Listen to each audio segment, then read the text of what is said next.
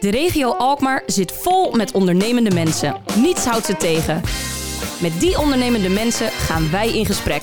Waar halen ze hun inspiratie en energie vandaan? En waar zien zij kansen? Je hoort het in de serie Koffie voor Twee. Vandaag drinkt Gerwelbers koffie met... Yvonne Leegwater, geboren in Schoorl en nu woonachtig in Alkmaar.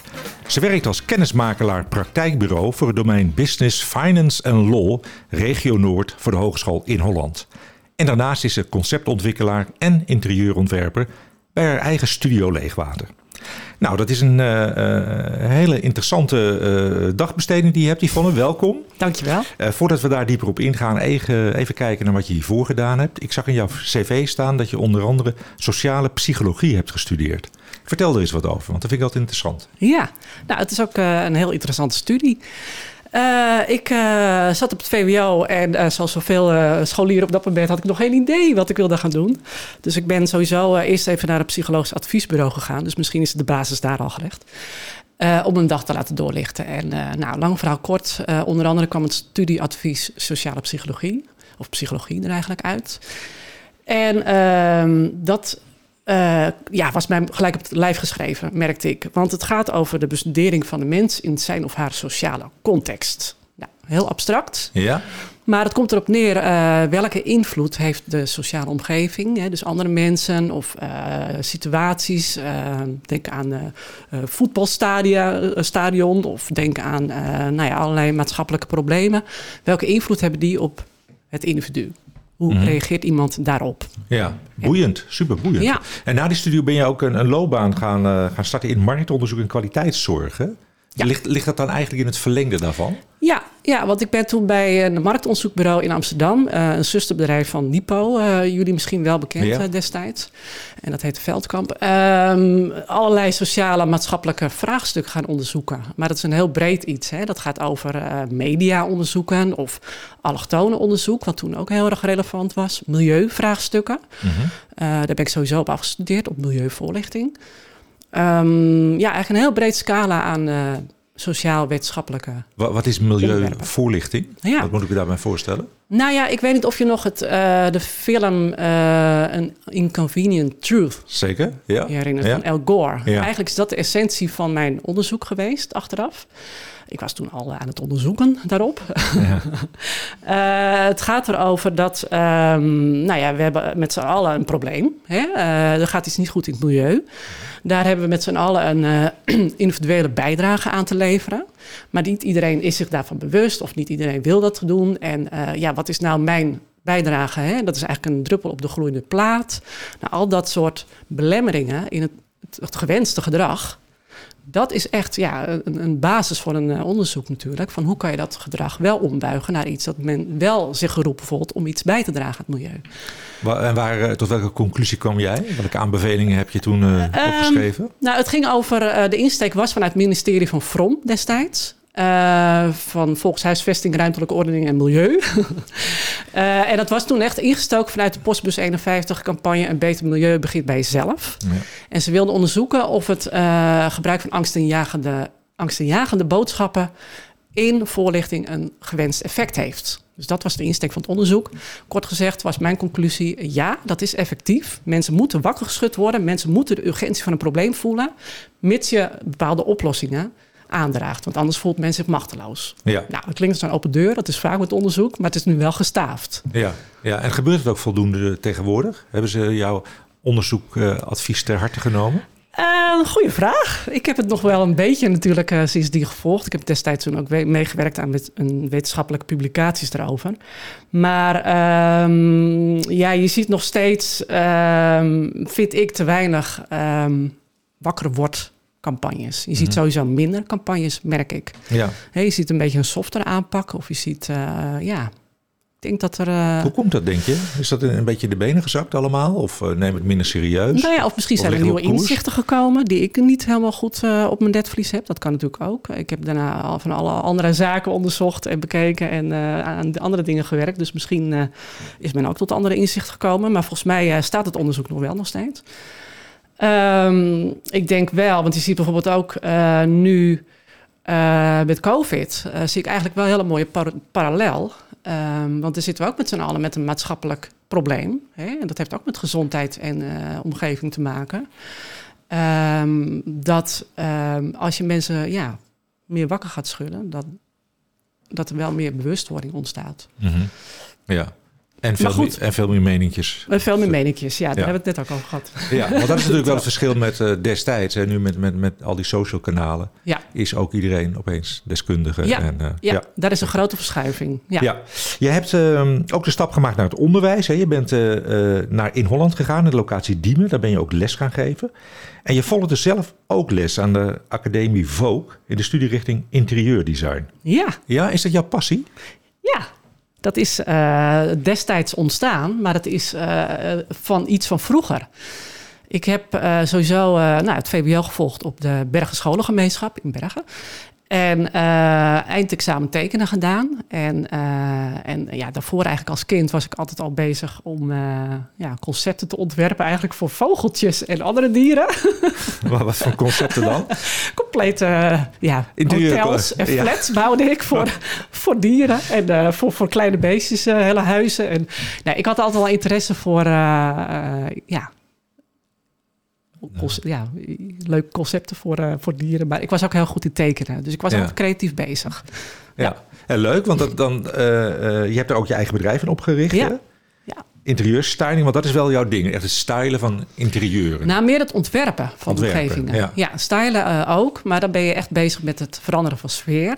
Mhm. En ik ga een stap verder. Ik ben wel bezig met het veranderen van omgeving eigenlijk. En um, dat kan ook bouwkundige aspecten zijn. Hè? Het veranderen van muren, daar advies over doen. Um, meedenken over het concept. Van, ja, ja, wat, wat voor advies kan je, eh, kan je, moet ik me daarbij voorstellen als je adviseert over een muur? Nou ja, voor particulieren is het heel vaak dat ze bijvoorbeeld een, uh, de begane grond willen uitbouwen. En hoe gaan we dat dan indelen? Ja. die keuken die uh, nu ergens in de bijkeuken weggepropt zit. Nou, dan willen ze een grote woonkeuken. En nou, dan ga ik over meedenken over de indeling. En uh, waar dan die muren het beste en hoe ver kunnen staan. En nou ja, dan komt ook een stukje omgevingsvergunningen vaak nog om de, of tenminste de, de vergunningsvraag nog om de hoek.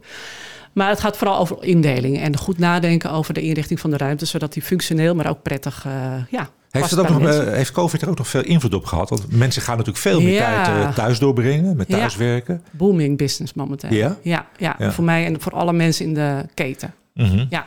En wat is dan met name de essentie van de vragen die je krijgt? Mensen andere indelingen willen of willen ze werkplekken creëren op ja, gek genoeg valt het wel mee. Die werkplek uh, die kwam eigenlijk altijd wel uh, om de hoek. Um, en ja, het is nu ook wel vooral nieuwbouwproject hoor, merk ik. Um, er wordt ook flink uh, gebouwd momenteel. Dus die ontwikkeling die was er sowieso al. Dus dat, daar leefde ik ook op mee. Mm -hmm.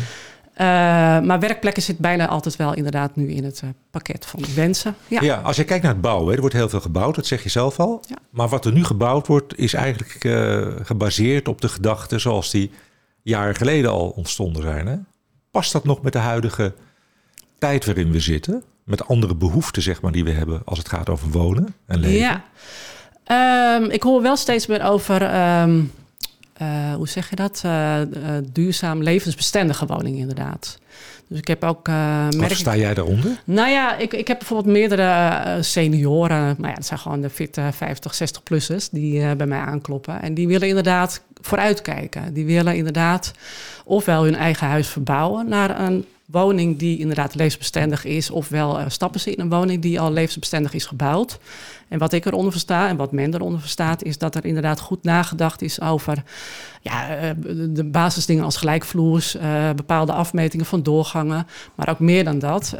Um, uh, dat gaat dan over um, ja, domotica bijvoorbeeld, toepassingen. Dat het uh, oh ja, makkelijker ja. is om uh, langer zelfstandig thuis te wonen. En uh, ik maak dan ook nu even een stapje verder. Ik weet niet of jullie het slimste huis kennen in Alkmaar. Dat was een aantal jaren geleden hier op de, bij de Ringersfabriek naast een, uh, een, um, een voorbeeldhuis eigenlijk voor hoe je levensbestendig kan wonen. Hoe je zo lang mogelijk zelfstandig kan wonen. En dat is inderdaad ondersteund door allerlei technologische aanpassingen in huis. En mm -hmm. um, ja, fysieke aanpassingen in huis. Zodat mensen makkelijker zichzelf kunnen redden. Ja, want er zijn, oh, er zijn heel veel technieken die het leven veel comfortabeler maken. Ja. Als je bijvoorbeeld kijkt naar, naar lichtsensoren, dat je geen knopjes meer aan hoeft te doen. Kranen die ja. uh, op sensoren werken, zodat je niet meer... Uh, met, met reuma handen hoeft te draaien en dat soort dingen. Ja. Stofzuigen snoerloos, uh, maar ook verdergaand met uh, signaal te krijgen dat je water moet drinken. Dat is dan echt voor de oudere mensen die dementeren. Dat zijn zelfs al een ondersteunend middel en die kunnen zelfs al ondersteund thuis wonen. Fantastisch. Ja. Mooie dingen zijn dat. gaan we straks verder over praten. Eerst even terug naar, uh, naar In Holland. Ja. Uh, je hebt in Diemen gevestigd, nu in, uh, in Alkmaar. Wat vond jij zo leuk om te gaan werken in het onderwijs? Ja, nou Want je ja, hebt tien jaar volgehouden. Tien jaar volgehouden. Ja. en dat is wat in het onderwijs. Zeker. Nee, het is uh, absoluut, dat zeg ik met een knipoog. Maar het is echt pittig werken in het onderwijs. Um, zeker, en, moet ik ook zeggen, in de tijd dat ik werkte bij In Holland was het ook pittige tijd. Um, maar desondanks, um, ja, het werken met studenten is gewoon fantastisch. Je bent bezig met jonge mensen die uh, hun eigen talent willen ontwikkelen, de wereld willen ontdekken. Uh, ofwel met een opleiding, uh, dan wel zelfs de vleugels willen uitslaan naar het buitenland. En ze hebben vol, ze hebben allerlei ideeën in hun hoofd. En ik vind het fantastisch om ze daarbij te begeleiden. En omgekeerd, ik zag gewoon paf van allerlei fantastische ideeën die ze dan presenteren in hun projecten en, en, en met elkaar samenwerken om tot nieuwe ideeën te komen. En ja, ik krijg energie van die uh, vaardigheden en talenten en, en uh, inspiratie ook. Ja. Die ze elkaar en ook mij geven. Nou, ben je in april ben jij teruggegaan in Holland, ben je kennismakelaar geworden. Was dat jouw motivatie, uh, zoals je net beschrijft, om het te doen? Ja, nou ja, eigenlijk, uh, ik ben dus nu zes jaar zelfstandig ondernemer. Uh, ik heb destijds overigens de stap uit het onderwijs gemaakt. Niet heel erg zelfbewust, maar dat was door reorganisatie. Uh, mede door die problemen die ik eerder zei. Dus dat is wel handig om even toch te schetsen in dit verhaal. Want ik heb altijd wel onderwijs hard gehouden. En door mijn eigen bedrijf ben ik ook, uh, want ik ben ook conceptontwikkelaar. Ik ben inderdaad heel erg bezig met uh, ideeën uh, en concepten te ontwikkelen. En ook mijn antennes en mijn voelsprieten uit te steken naar wat er gaande is in de omgeving en de wereld. Um, ja, uh, kwam ik ook door mijn eigen concepten in aanraking weer met studenten die ik zelf begeleide als opdrachtgever. Ik heb ook studenten van in Holland zelf ook begeleid als opdrachtgever en Wageningen Universiteit en HVA. En door dat contact met de studenten dacht ik, jeetje, dat is toch wel echt te gek om weer iets met elkaar, dat, dat ja. samenwerken met jonge mensen, om daar mooie projecten en mooie resultaten uit te krijgen. Dus toen kwam die functie kennismakelaar ja. praktijkbureau kwam vrij. Wat houdt die ja. functie precies in? Nou ja, alles komt samen. Dat wil ik eigenlijk maar zeggen voor mij. Uh, wat we, uh, de functie inhoudt is dat ik, uh, zeg maar ik, maar met een team, een praktijkbureau, een schakel ben tussen het onderwijs enerzijds, het curriculum van opleidingen van business, finance en law in dit geval. En anderzijds de buitenwereld. Dus uh, het omveld van uh, organisaties, ondernemingen. Uh, zorgen dat je enerzijds een zichtbaar loket bent. Hè? Dus enerzijds is het gewoon een organisatie. Organisatorisch. Dankjewel. Woordbreker. Ja. Uh, punt. En anderzijds is het ook gewoon om te zorgen dat er duurzame verbindingen ontstaan. Uh, ja. Relaties tussen de opleiding en het uh, werkveld. Dus vanuit de organisatie is behoefte om het curriculum voor de studenten praktijkgerichter te maken. Hè, dus de B in HBO, het, beroep, het beroepenveld meer naar binnen te halen. Mm -hmm. niet alleen met stages en afstudeeropdrachten, maar ook in jaar 1 en jaar 2 uh, te verankeren. En anderzijds uh, is het natuurlijk voor het uh, werkveld ook interessant. Tenminste, dat, dat merk je. En dat, dat is ook onze ambitie en doel als in Holland. Om ja, het potentieel van jonge mensen binnen te halen. Ja, vind je dat we dat nog te weinig benutten ja. in het bedrijfsleven? Ja? Nou ja, het gebeurt wel, maar het gebeurt nog niet. ik merk gewoon zelf nu in de eerste anderhalve maand... waar ik nu mijn, mijn, mijn, missie aan het, aan het doen ben bij in Holland... dat je nog best wel vaak hoort van... oh, wat een goed idee. Uh, nou ja, je hebt mezelf ook uh, eerder gehoord over uh, benut nou studenten bij het oplossen van vraagstukken. Zeker ja. in coronatijd, maar ook sowieso de versterking van de regio op economisch gebied. Um, je merkt gewoon dat er in de regio niet altijd wordt gedacht aan studenten betrekken. Mm -hmm. Hè? Um, er zijn zoveel mooie mogelijkheden vanuit het onderwijs om je te versterken, om je te helpen, om een frisse blik binnen te halen. Ja. En ik, ja, is het ook, uh, heeft het ook te maken met het feit dat, dat studenten natuurlijk state of the art uh, qua kennis zijn, helemaal bij. Die ja. hebben heel veel vaardigheden, ook, ook natuurlijk online vaardigheden en dergelijke. En, en is, is die match dan wel bij, bij, met het bedrijfsleven, omdat daar toch een gap is ontstaan? Omdat daar veel veertigers, vijftigers zitten die, die die kennis eigenlijk niet hebben en daardoor die aansluiting ook missen. Nou ja, sommige organisaties en bedrijven hebben dat inderdaad. Die zijn wat aan het verouderen en uh, die staan wat stil, zeg maar. En die merken dat er iets niet lekker gaat. Mm -hmm. of, of dat er uh, dingen blijven liggen. kijk, er zijn natuurlijk genoeg techbedrijven bijvoorbeeld, die zijn wel heel erg aan het innoveren. Maar ook daar uh, is het belangrijk om bij te blijven, juist in die, in die snelle wereld. Dus voor beide, en er zijn natuurlijk veel meer categorieën, is het belangrijk om bij te blijven, inderdaad. Om, om te blijven te, te groeien en te innoveren. Ja. Heb jij bewust gekozen voor het domein Business, Finance en Law? Uh, ja nee. Okay. Eerlijk antwoord.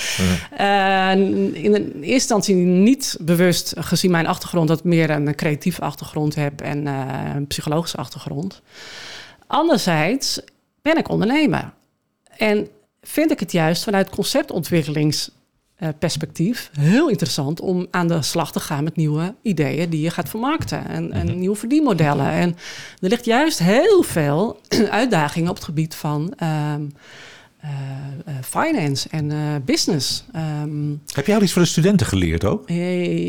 ja, nou ik moet zeggen dat ik vooral nu aan het opbouwen ben. In de zin van samen, of, of tenminste kennismakingsgesprekken met organisaties en intern met de mensen, de managers en de docenten. Maar ik heb enkele studenten gesproken en um, ja, dat, dat, ik, ik leer al een beetje van ze inderdaad. Maar dat gaat nog veel meer gebeuren, daar ben ik zeker van. Mm -hmm. ja. Ben jij positief gestemd over de studenten die uh, afstuderen bij In Holland. Ja. ja. Die gaan echt het verschil maken? Ja, dat denk ik zeker. Ja. ja. ja. ja. Denk, je, denk je ook wel eens na over, over um, hoe, hoe studenten nou echt die ruimte zouden kunnen krijgen bij bedrijven? En want wij hebben zelf ook altijd stagiaires uh, rondlopen, hele talentvolle mensen. Ja. Maar toch, uh, het kan ook iets van mijn generatie zijn dat je toch dan kijkt naar stagiaires. Die, die, dit zijn passanten, die komen tijdelijk langs en die zitten er met name om iets te leren. Terwijl we als organisatie daar misschien veel te weinig gebruik maken van de specifieke kennis die zij hebben. Ja. En de, de inzichten. Ja, nou ja, ehm, eh, als ik je vraag goed begrijp, of, of, of zij dan meer impact kunnen, impact kunnen maken, inderdaad. Ja. Uh, ja, ik uh, merk gewoon dat ook vanuit in Holland daar veel meer de nadruk op wordt gelegd. En ze steeds meer juist wordt bijgebracht om uh, niet afwachtend, hè, de leren, lerende afwachtende houding te hebben, maar de lerende proactieve houding te hebben. En we merken dat we daar wel slagen aan het maken zijn. Hè. De studenten moeten meer ondernemen, moeten meer uh, zelf ook de boer op, moeten zelf uh, ja, om zich heen kijken van niet alleen maar in een leslokaal zitten, wat nu sowieso even anders gaat, maar meer zelf onderzoek doen. Dus een onderzoekende houding en een ondernemende houding wordt steeds meer geactiveerd. Um, ja, ik, ik merk wel dat die cultuurverandering aan de gang is. Ja, ja. Kan het bijvoorbeeld ook uh, zo zijn dat studenten langere stages zouden moeten lopen? Om, om echt als ze met grote projecten bezig gaan, met innovatieve projecten. Ja, ja we, we hebben sowieso verschillende pakketten die we nu uh, aan het aanbieden zijn. Uh, sinds kort is er een mogelijkheid, een landelijk initiatief, waar in Holland ook aan meedoet. En het heet de Pilot Innovatie Traineeship. En dat houdt in dat je dan uh, eerste half jaar op afstudeerstage gaat bij een bedrijf. En vervolgens bij een go van de organisatie. Het is natuurlijk wel eventjes kijken van wil ik die persoon in huis houden, ander niet. Kan de student een jaar lang uh, in dienst van het bedrijf um, de resultaten implementeren of verder onderzoek doen. Dus ze kunnen, en dan met support van in Holland, het hele traject, anderhalf jaar lang. Dus um, ja, dus in die zin kan er al een duurzamere relatie ontstaan tussen de student en het bedrijf. En kunnen ze een, um, een proefperiode aangaan in die zin. Mm -hmm. En, uh, en zo, hebben, ja, zo zijn er verschillende pakketten die we vanuit in Holland ook aanbieden om beter dat uh, aftasten van beide kanten, zeg maar, uh, in, in te steken. Ja. En dan heb je ook natuurlijk je studio Leegwater. Hè? En ja. nu zit je weer bij In Holland. Kijk je ook wel eens met die ogen naar uh, bijvoorbeeld hoe schoolgebouwen en, en, en klaslokalen zijn. Ja? Ja? ja, in Holland Alkmaar is sowieso een fantastische locatie. Dat is mijn standplaats en daar werd ik al blij. En dat was ik al toen ik uh, als studio Leegwater daar uh, binnenkwam... om mijn eigen concepten te pitchen aan studenten daar. dacht ik, yes, een groene omgeving, letterlijk en figuurlijk. Ze hebben een grote verticale groene wanden. En ze doen van alles op het gebied van uh, energie, uh, neutraal nou ja, activiteiten. En ze zijn al heel goed bezig om daar een Wat duurzaam leuk. gebouw ja. te voeren. Ja, ja, Is dat voor die generatie studenten ook belangrijk? Ja, dat, ze, dat is de opvoeding. Ja. Super. Ja, ik ben zelf ook opgevoed met uh, beter milieu begint bij jezelf. Dat heb ik echt van huis uit meegekregen. Dus het is geen toeval wat ik nu al aan het doen ben. Mhm. Maar daar begint het natuurlijk wel mee. Als je dat in je gebouw al laat verslonsen, dan uh, ja, hoe kan je studenten dan inspireren om het anders te doen? Ja. Ja. En merk je dan ook dat die inspiratie uh, werkt? Dat studenten zelf ook dit heel belangrijk vinden en met ideeën komen op allerlei terreinen om energie-neutrale en vergroening en dergelijke in school? Ja, uh, nogmaals, ik moet zelf nog. Ik ben nu anderhalve maand bezig met mijn uh, functie bij In Holland. Dus ik heb nog niet heel veel studenten hierover gesproken. Maar wat ik wel begrijp en om me heen hoor. En wat ik vanuit mijn eigen bedrijf ook uh, merk, is dat studenten het zelf ook opzoeken. Die willen ook echt de mouwen opstropen om, om die vraagstukken die er liggen. En het, het is heel erg op energie en op milieu en op sociale vraagstukken. Mhm. Om de handen uit de mouw te steken. Dus ik zie wel die focus al, die interesse. Ja. ja. Yvonne, in deze podcastserie hebben we ook altijd uh, dilemma's die we voorleggen. dat gaan we ook aan jou doen. Die mag je met ja of nee beantwoorden. En daarna mag je naar hartelust nuanceren. Daar gaan we. COVID-19 heeft de toekomstvisie van studenten radicaal veranderd. Ja. In een steeds meer digitale wereld, waarin veel influencers met Instagram een groot bereik realiseren, is er geen markt meer voor professionele interieurontwerpers. Nee. Oké, nou eerst even de radicale verandering van de toekomstvisie van de studenten. Daar zei je ja op. Ja. ja? Wat, wat, wat, wat uh, kan, je dat duiden? Nou ja, er is natuurlijk uh, enerzijds uh, hoe, hoe, het onderwijs nu ingericht is, is natuurlijk heel erg veel aan het veranderen. zoals in alle organisaties. Ze moeten ineens online vooral gaan, gaan werken. Maar inhoudelijk ook. Um, niets is meer gegeven. En, een stuk vrijheid, beperking hebben we allemaal ervaren. En um, uh, er zijn nu uh, ja, uh, belangrijkere zaken, zeg maar, dan ehm, waar we misschien voorheen mee bezig zijn geweest. Dus ik, ik, ik kan me niet anders voorstellen dat studenten daar ook hun impact van ondervinden. Ja. ja. Ten aanzien van die andere vraag, het andere dilemma, dat ging over de, de, de interieur, het interieurontwerpen. Jij bent omgevingspsycholoog. Ja. Heb jij nu ook psychologie, pas je dat ook toe als je kijkt naar interieurs? Ja. Is het eigenlijk, hoort dat bij elkaar? Ja, ben blij dat je dat laatst ook zegt. Ja. ja? voor mij is het, uh, ik ben sowieso een beetje integraal holistisch ingesteld. Oké. en uh, dat is omgeving en, en de mens daarin natuurlijk. En dat is het stukje sociale psychologie. Maar uh, omgevingspsychologie gaat over de bebouwde omgeving. Het effect van de bebouwde omgeving op de mens. Hè, zoals sociale psychologie de sociale omgeving als effect heeft op de mens. En voor mij is dat één geheel. even een heel concreet voorbeeld. we hadden het toen ik hier binnenkwam over akoestiek. Nou, wat is de impact van uh, geluidsbeleving op de mens? Dus dat is een heel duidelijk voorbeeld van een bebouwde omgevingsaspect. Die, mm Jij kan heel, je heel onprettig voelen als de akoestiek in een omgeving niet uh, fijn is. Hè, of fysiek groen hebben we het ook over gehad. Dat zit ook heel erg in mijn uh, ja, ambassadeursrol bijna. Uh, wat voor invloed heeft het ontbreken van groen op jou? Mm -hmm. Qua gezondheid, qua welzijn, qua welbevinden. Ja. Dat zijn dingen die aantoonbaar al zijn, maar die probeer ik dus toe te passen, ook in mijn interieurontwerpen. Dan stond jij samen met jouw zussen in een stadsvergroeningsconcept, de Green, Green Up the City, in de halve finale van Present Your Startup. Hè? Ja. Kan, je er iets over vertellen? Want dat vond ik wel heel verrassend om dat te lezen. Ja, nou heb je even. nou, we hebben nog een minuut of twee, denk ik. Uh, nou ja, dat, het laatste wat ik zei, het ontbreken van groen. Ik ben een uh, stadsmeisje met een, uh, ja, een, een groen hart. Ik ben uh, geboren in Schorrel, zoals je zei. Maar ik, ben, uh, ja, ik woon met heel veel plezier in, uh, in Alkmaar. Na wat omzwervingen vanuit Amsterdam, wat ook een fantastisch leuke stad is voor mij geweest. Eens. Ja, maar het, je ziet wel groen initiatieven, maar ik, ik mis groen. Ik, we missen groen, dus ja. inderdaad mijn zussen en ik. Um, dus uh, toen gingen we ons daarin verdiepen van ja, daar moeten we iets mee. En um, nou ja, heel lang verhaal kort. We hadden inderdaad toen een idee, en dat heette toen nog de Stadskas, om een fysieke groene hotspot te maken in Alkmaar. En uh, daar zijn we echt heel ver uh, in geweest in gesprek met de gemeente Alkmaar, met projectontwikkelaars, met diverse organisaties in Alkmaar. We hadden allerlei meetups georganiseerd, ook vanuit mijn eigen on onze ondernemerscommunity. En um, toen kwamen we een beetje op het punt dat de gemeente zei ook toch tegen ons van ja, zoek maar partners erbij, dan uh, gaan we erin mee. Want het is wel een goed idee. Dus we wilden toen in het Ringerskwartier daar gaan staan. Um, toen zijn we naar uh, provincie Noord-Holland, PIM had je toen. Dat is een, een, een soort stimuleringsfonds, een subsidiefonds voor start-ups. En toen konden we ons concept pitchen voor inderdaad de Present Your Startups, een pitchcompetitie, een Business Accelerator programma.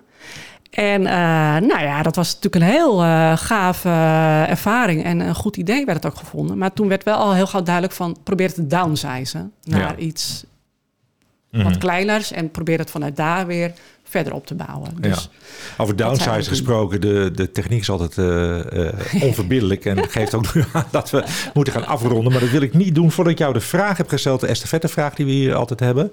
Een van de, de, vorige gasten die heeft een vraag achtergelaten, die wil ik jou graag stellen. Oh, ja. Dat is Lieke Danenberg. Oh, ja. En die vraagt, wat heb je gedaan in de coronatijd om vertrouwen te houden in jezelf, je bedrijf en de toekomst? Oh. Yvonne in vier woorden gaan. Jeetje. Ik nou, overval je ermee. Nou, ja. uh, wat heb je gedaan om vertrouwen te hebben in je eigen onderneming? En wat zei je allemaal? In jezelf, in je bedrijf en de toekomst.